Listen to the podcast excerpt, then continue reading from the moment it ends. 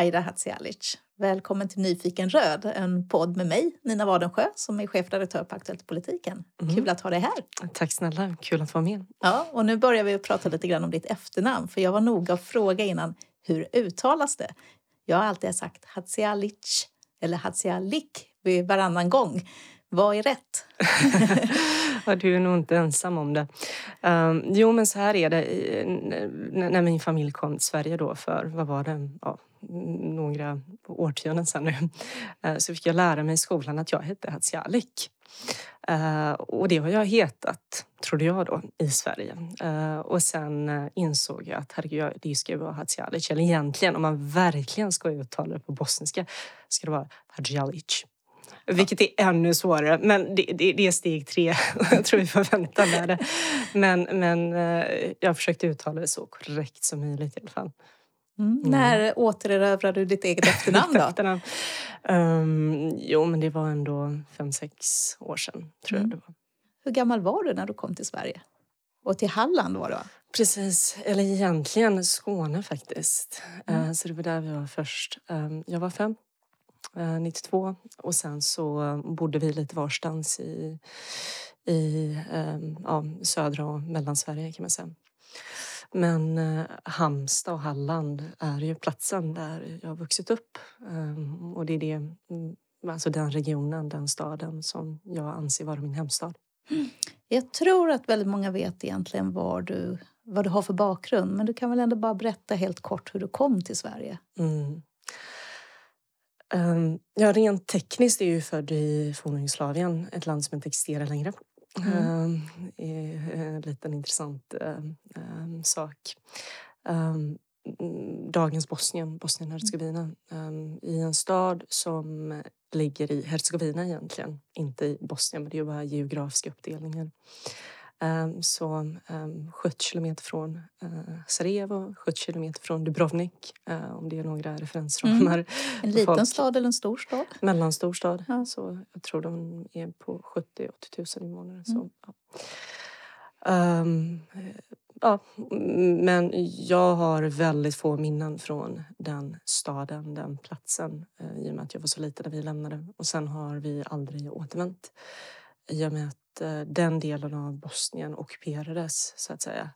Eh, och eh, Bosnien delades ju upp kan man säga efter kriget. och det försiggick ju massa hemskheter där. Mm. Massakrar och annat. Vilket gjorde att mina föräldrar aldrig ville återvända dit. De ville aldrig se den platsen igen. Och jag har inte heller gjort det. Um, dels för att de inte ville det, uh, dels för att jag inte hunnit mm. de senaste åren. Men jag har faktiskt tänkt att uh, det är nog dags för mig att åka dit snart mm. uh, och uppleva det här, se hur det är på plats. Um, ja. Finns det någon släkt kvar eller en koppling dit? Um, i, inte där, inte i den delen av Bosnien. I och med att alla fick ju fly. Ehm, men jag har släkt i Sarajevo framför allt. Mm. Eh, så jag har ett par morbröder där. Eh, I övrigt så har jag mina mostrar i Sverige. Mina kusiner också. De flesta är i södra Sverige då, och i Danmark. Eh, jag har en moster i Frankrike. Så att vi är lite spridda överallt. Det, det, det, är ju, det är väl så det brukar vara med folk eller länder som mm. drabbas av kris eh, eller krig. Att eh, man, man hamnar lite överallt. Mm. Sprids över världen egentligen. Ja, men, men, så är det. så att jag, jag, har, jag har ju verkligen släkt överallt. Mm, USA, Kanada, ja, hela Europa med mera. Mm. När du kom till Sverige så började ni med att bo i tältläger har jag läst någonstans. Stämmer. Och det var det i Skåne då, eh, i och med att vi anlände dit först eh, med en färja. Så eh, det, det, är nog mitt, eller det är mitt första minne av Sverige. Att vi hamnade i tält. Ehm, och jag kommer ihåg att jag tyckte svenska var så främmande för mig. Ett helt nytt språk. Um, och undrade vad det var för folk där och det regnade och det smattrade så mot tältväggen. Uh, och mina föräldrar var iväg och skulle fixa grejer sa de till mig och så sa de du får ligga här och sova. Och, och um, ja, jag kunde inte sova. Jag reflekterade nog väldigt mycket trots att jag var fem år gammal. du hade väl varit med om en hel, hel del på vägen också? Så att... Precis. Men som tur är, jag tror när man är så liten så, så traumatiseras man nog inte så mycket. Alltså nu när jag tänker på det i efterhand så tänker jag gud vilka hemskheter jag har varit med om. Uh, men de har inte fastnat på mig, som tur är.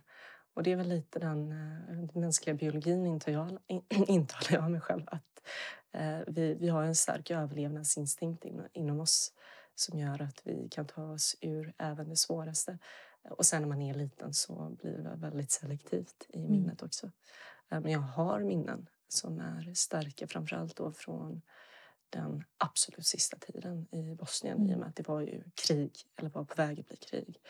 Och sånt ja, skapar intryck. Även när man är fem så mm. får man mm. minnen av det man upplever. Mm. Exakt. Mm. Ja, men någonstans så, så hamnar du på det här, i det här tältlägret vilket mm. i sig känns som en supertraumatisk upplevelse. Och ni var bara er lilla familj i det mm. läget, inte mostrar och liknande mm. utan ni kom helt själva hit. Mm. Och eh, så småningom efter flera vändor så kommer ni till Halland som blir egentligen din nya hemort eller din mm, hemplats. Precis. Hur var det? Började du skolan där eller när kom ni? Uh, gud ja, när var det? Jag tror det var 94. Eller mm. 90, ja, 90, jo, 94 var det. Um, jo men alltså igen, jag var ju ett barn. För mig var det bara kul. Um, jag fick massa nya kompisar och alltså det enda egentligen som um, som, som var ett litet avbrott var att min familj blev ju placerad i ett miljonprogramsområde som många andra blev på den tiden. Men eh, mina föräldrar insåg snabbt att om jag skulle integreras väl var de tvungna att bo någon annanstans.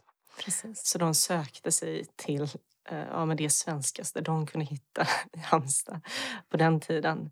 Och Halmstad är en tyvärr väldigt uppdelad stad kan man säga, som många andra orter är.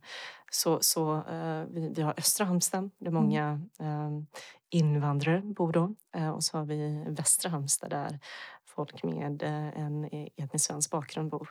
Så de sökte sig till västra Halmstad, kom dit och jag började på på en skola där och fick massa kompisar och tyckte det var jättekul. Och Eh, älskade matematik uh, av någon anledning uh, och sen blev jag statsvetare. Men, um, uh, och det var bara ljusa mm, somrar. Men som det brukar vara, jag minns VM då, det mm. året och alla var glada och sjöng. Och, det, var, det var positivt. Egentligen så berättar du om en ganska lycklig barndom när du hamnar i på plats. I Halmstad, precis. Ja. Jo, men så var det. Och mina föräldrar var ju väldigt måna om att jag inte skulle tänka på att vi hade kommit från ett krig. Dels så tyckte jag det var kul med eh, skolan då, vissa ämnen framförallt. Och matte tyckte jag var jättekul och alltså språk tyckte jag var kul. Eh, men, men sen ska man ju eh, även säga att eh, mina föräldrar var ju på mig.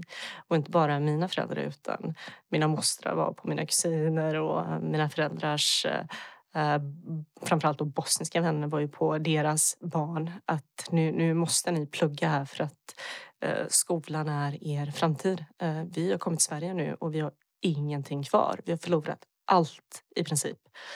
Uh, och vi kommer inte kunna återvända till Bosnien uh, för att hela forna Jugoslavien är i spillror. Och då måste ni fokusera på framtiden. Så att, uh, det är väl klart att det skapade eh, både motivation men också att man ansträngde sig mer än andra. Mm. Eh, för mig var det väldigt viktigt att eh, prestera väl, ha bra betyg med mera. Mm. Tycker du att när du träffar andra som har en liknande bakgrund som du att du känner igen det här? Det finns ju du har ju bland annat suttit i regering med andra mm. statsråd som har en flyktingbakgrund och så mm. vidare. Är det någonting som går igen? Jo, men det tycker jag. Jag har pratat med exempelvis eh, Ardalan Shekarabi om det här eh, mm. som har en persisk eh, bakgrund från Iran. Ehm, och han, eller vi känner igen oss i varandra i det att vi fick, vi fick ju mycket hemifrån. Ehm, framförallt då de här råden om att det var jätteviktigt att studera, ehm, att kunskap och skola var viktigt för framtiden. Um, men, men jag tror ju rent generellt att det är så. Det är väl klart att skolan är det bästa arbetarklassen har och det vet vi.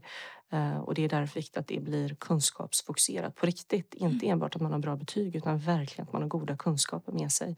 Uh, för att uh, precis som med mig själv då som utöver arbetarbakgrunden, för mina föräldrar blev ju arbetare, hade en invandrarbakgrund så var ju skolan min enda referensram. Mina föräldrar hade inte nätverk, mina föräldrar hade inte kapital. De hade mm. sitt intellekt som de kunde dela med sig av. Du säger att de blev arbetare, mm. men de var inte arbetare när de kom? Um, Eh, nej. Uh, egentligen min släkthistoria eh, är sådan att min, min, min farfar och min farmor de hade arbetarbakgrund.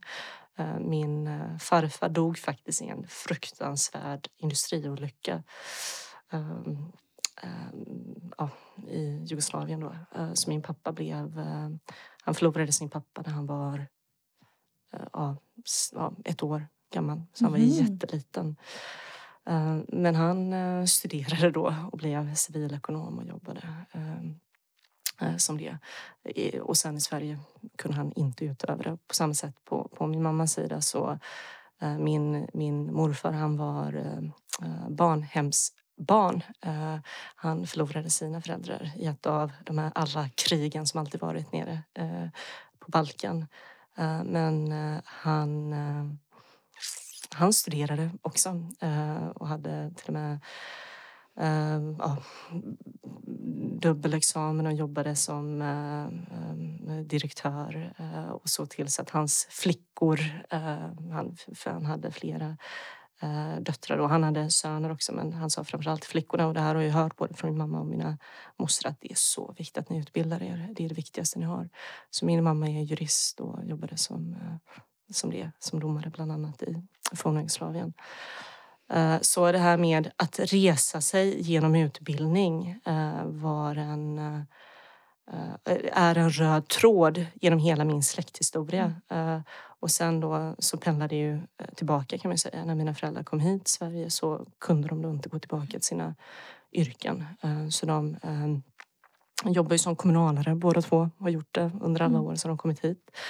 Så jag vet vad det innebär att slita liksom när jag ser min mors händer eh, som, är utslitna av det arbetet hon eh, har, eh, har hållit på med under alla dessa år. Eh, eh, och jag känner väldigt mycket för eh, för, för det. Även om jag då själv har gått en mer akademisk bana här i Sverige. Eller här i Sverige, i mitt liv. Egentligen har du klivit in lite i din släkts fotspår igen. De, du har fått chansen att göra det. Dina föräldrar Precis. har också stöttat dig mm. det. Men det har alltid gått fram och tillbaka, som du mm. märker. Mm. Mm. Det, är, det är en historia som är gemensam för mycket av Europa. Men sen mm. slits det om, mm. sönder och mm. börjas om. Och du är en av dem som har börjat om kan man säga. Uh, ja, det känns lite så. Ja. Mm. Sen är det här med utbildning är en röd tråd egentligen genom ditt liv. Jag gissar att du är ganska snabbt blir intresserad av det här med skol och utbildningspolitik. Mm. Ja, men absolut. Framförallt för att jag känner att jag har levt det.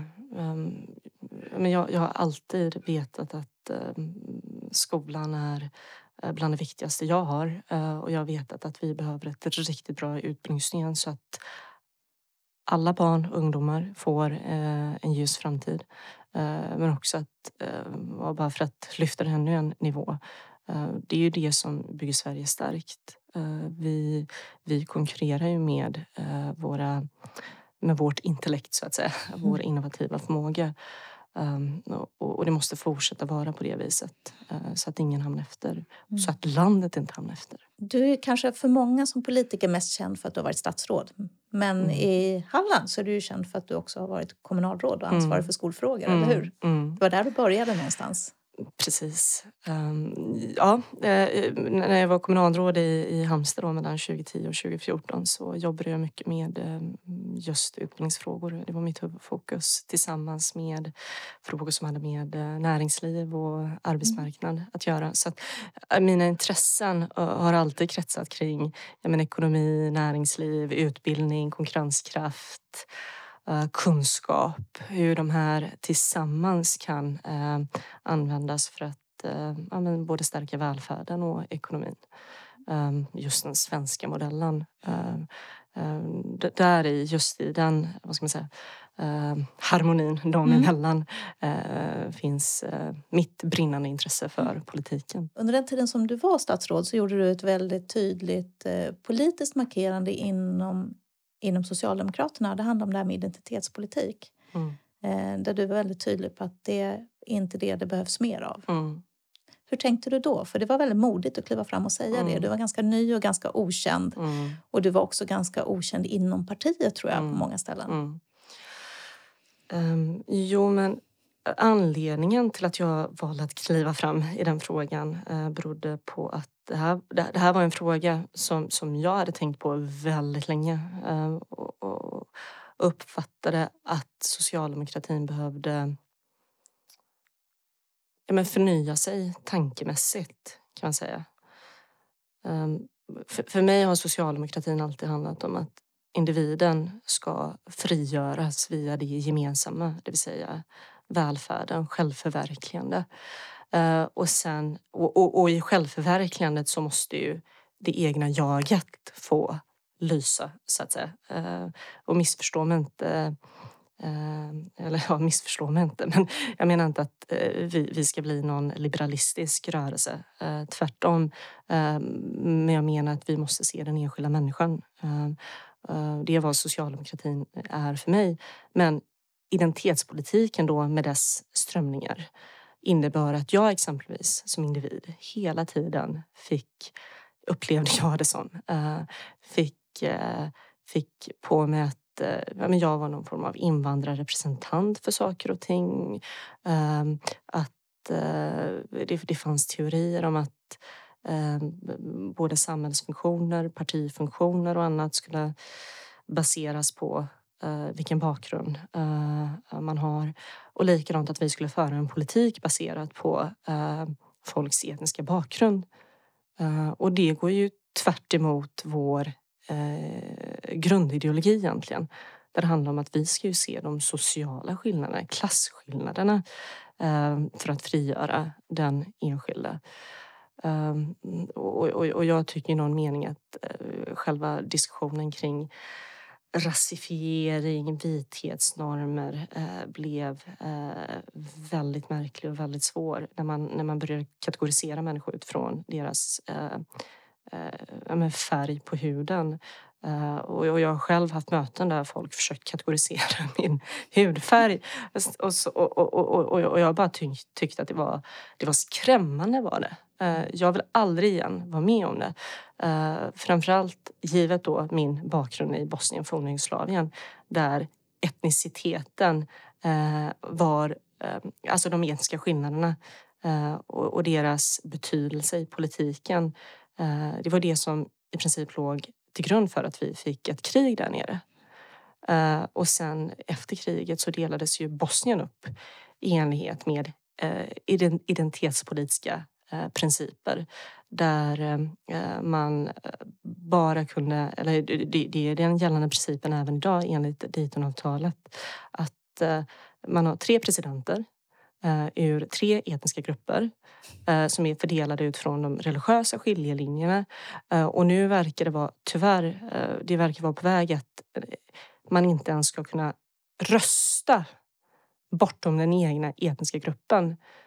Så ponera nu att någon som mig själv, jag är född som en bosnisk muslim och jag vill rösta på en bosnisk katolik för jag tycker det finns utmärkta kandidater på den sidan. Um, vad det verkar så kommer man inte få göra det i framtiden. Uh, och, alltså det, det, är en vallag som nu diskuteras. Men det, och, och, och, i Bosnien så kan inte någon, en bosnisk eh, en, en bosnier med judisk bakgrund kan i dagsläget inte väljas till att bli en av presidenterna. För du måste vara katolik, muslim eller ortodox för att få bli det. Um, och, och, ja, men du hör hur sjukt det här är. Det här är helt sjukt. Uh, ett land ska ju vara, vara baserat på medborgarskap. uh, på, på enskilda fri och rättigheter. Uh, så jag har ju sett, eller ja, jag, jag ser, för jag följer situationen där nere och det finns ju andra länder som man kan använda som exempel också. Ehm, men det här är ju avarten, den yttersta avarten kan man säga, av identitetspolitiken och det är vad den kan leda till. Så jag tycker det här är något man måste vara extremt försiktig med. Tycker du att det har blivit en förändring? Jag menar, det här var väl två år sedan du var ute i den här debatten. Mm. Tycker du att det rör sig i rätt riktning eller i fel riktning? I Sverige nu, om man ser Sverige som land men också inom den politiska sfären. Jag tycker väl ändå att det går i rätt riktning i och med att diskussionen har ju funnits här. Jag tycker den här frågan uh, har um, hanterats även av partiet i en bättre riktning. I alla fall utifrån själva uh, idédebatten. Men sen får vi ju se. Det är fortfarande mycket som kan hända på väg mm. både till valet nu 2018 men även efter det. Jag funderar nästan om det här med spänningarna som finns nu som man lyfter fram mycket i politiken också, spänningar mellan stad och landsbygd. Eh, att det i det kanske finns, att diskutera de frågorna blir en motvikt till det här att diskutera till exempel etnisk bakgrund. Att mm. prata om klass och, mm. och orättvisor och mm. olika möjligheter. Ja, men jag hoppas det. Eh, och igen, jag tycker att partiets politik pekar i den riktningen. Eh, man pratar inte längre om att man ska, eh, eller inte på samma sätt i alla fall, att det, bara är enskilda områden med en viss etnisk bakgrund som ska få vissa satsningar. Utan precis som du beskriver Nina så pekar partiet på att vi ska ha jämlikhet över hela landet, att landsbygden ska följa med i utvecklingen, att de ska ha samma rättigheter och förutsättningar Ehm, vi pratar om ekonomisk jämlikhet eh, och det är ju precis det socialdemokratin ska göra. Ehm, eh, så igen, jag tycker att det har skett en förskjutning eh, på ett bra sätt.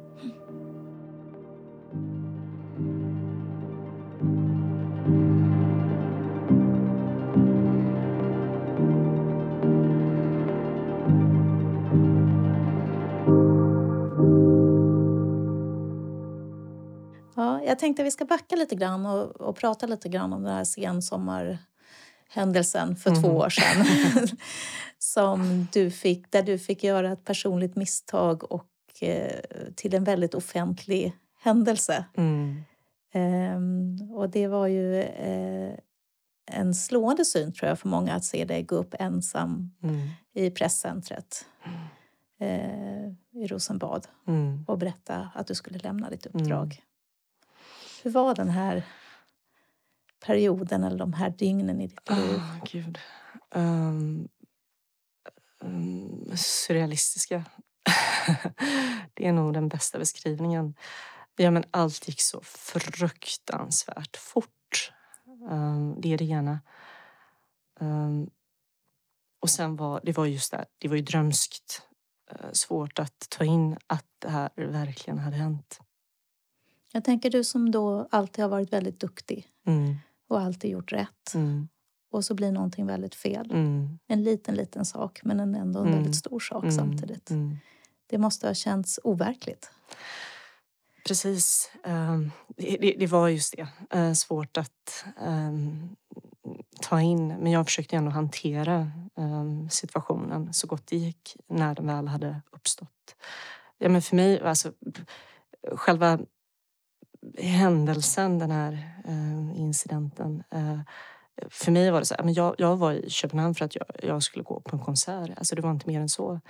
Eh, och eh, jag eh, skulle åka hem och sen skulle jag åka upp till Stockholm och göra mitt jobb. Det var min eh, sista semesterdag tror jag. Eh, inför eh, att jag skulle börja jobba på måndag igen. Eh, och jag trodde att det som jag gjorde var okej okay, eh, i och med att det var det i Danmark. eh, fram tills att det inte var det i Sverige. Mm. eh, och, och, och, jag som sagt trodde att det var okej, men sen var det inte det. Och, och jag, precis som jag sa på den här pressträff, pressträffen, mina mina intentioner var att allt var okej, okay, men det blev fel. Det var ett allvarligt fel. Uh, och jag ville ta ansvar för det. Och uh, ja, här är jag. ja, det är ett högt pris att betala i politiken mm, ibland. Mm, mm. Du är inte ensam om att ha stått där, men man kan säga att du fick ett ovanligt starkt stöd Eh, mycket i mediedebatten efteråt så var det många som sa att hon borde ha stannat. Mm. Men du bedömde det som omöjligt. Men så här var det, jag gjorde ju fel. Det var fel. Uh, de facto, uh, oavsett det här att ja, men det var en sak i Danmark och en annan sak i Sverige. Uh, och, och, och, om jag med trovärdighet skulle fortsätta driva politik och stå för något så var jag faktiskt tvungen att göra det i handling också. Mm. Vilket jag gjorde. Ehm, så jag står fast vid att eh, jag gjorde rätt som avgick. Ja. Mm. Annars hade du nog fått leva med en annan diskussion. Mm. Och där blev ju... Det landade ju ändå bra även om det var ett oerhört... Det måste ha varit en fruktansvärt jobbig period för dig. Ja, den var inte rolig. Nej, men det var väldigt jobbigt. Hur lång tid, det var det. Hur lång tid mm. tog det innan den här overklighetskänslan släppte och du började förstå att det verkligen hade hänt? Um, jo, men eh, det är väl klart att jag direkt visste att det hade hänt för att mitt liv ställde sig om så ja, radikalt. Um, men eh, det är väl först egentligen uh, ja, men, e-, efter ett år ungefär som det hela hade sjunkit in. Uh, det som jag hade varit med om. Um, ja, för det, det, var ju, det, det var ju väldigt mycket en process kan man säga.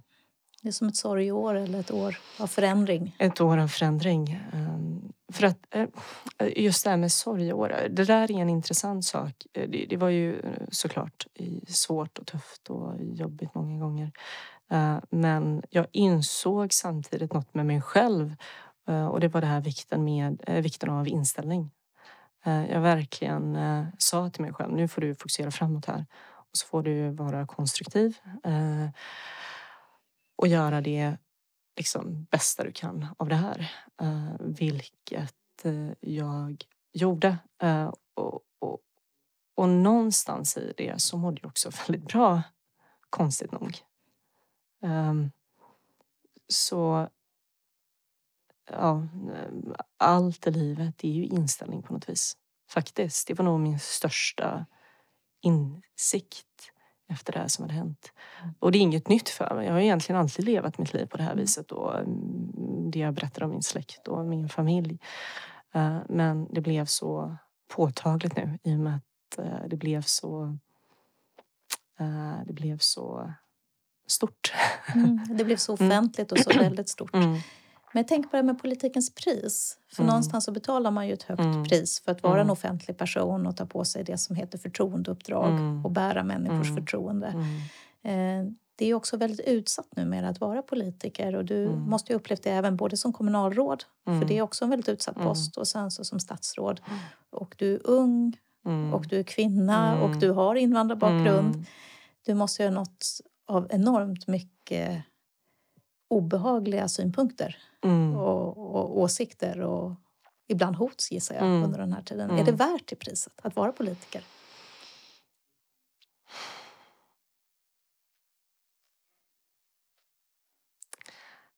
Ja, såklart. Mm. Jag eh, tror på eh, vårt parti. Jag tror på politiken som en samhällsförändrande kraft. Men jag tror också att det är enormt viktigt att vi tar hand om varandra eh, i den här miljön och kontexten. Um, för att jag tror att det kommer bli ännu mer intensivt. Uh, det har ju förändrats, alltså det här, här, det här ekosystemet, så att säga, det politiska ekosystemet uh, har förändrats väldigt mycket de, eh, bara den senaste, alltså den här mandatperioden uh, med exempelvis sociala medier, um, hur de används.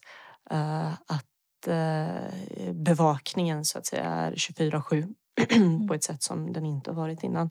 På gott och ont såklart. Jag tycker det är fantastiskt att så många kan delta i det politiska samtalet. Eh, men vi har ju sett exempel på hur det här också kan förvridas. Och det eh, fort kan gå fel. Exakt. Eh, och där måste ju ändå basen som man har med sig, eller den basen som man har i ryggen, det vill säga partiet, ens partikamrater. Alltså, det är så enormt viktigt att vi själva bidrar till en god ton till att börja med och stötta varandra. Eh, för att ja, men det, det, är ju en extremt utsatt mm. position. Um, och det stödsystemet man har både då genom partiet och hos sina privata vänner och familj och nära och kära. Uh, det är ju det som ger en kraft uh, i allt det här uh, egentligen rätt så hårda som finns omkring en. Mm. Kände du att du fick det här skyddsnätet när den här pressträffen var över? Mm. Fanns det där för dig mm. fullt ut? Eller kände du att du ibland mm. stod väldigt ensam? Mm. Jag tyckte, för det första, jag hade en fantastisk stab eh, till att börja med. Eh, och jag kommer alltid berömma dem. Eh, de eh, eh, ja, men, fanns med mig hela vägen och även efteråt.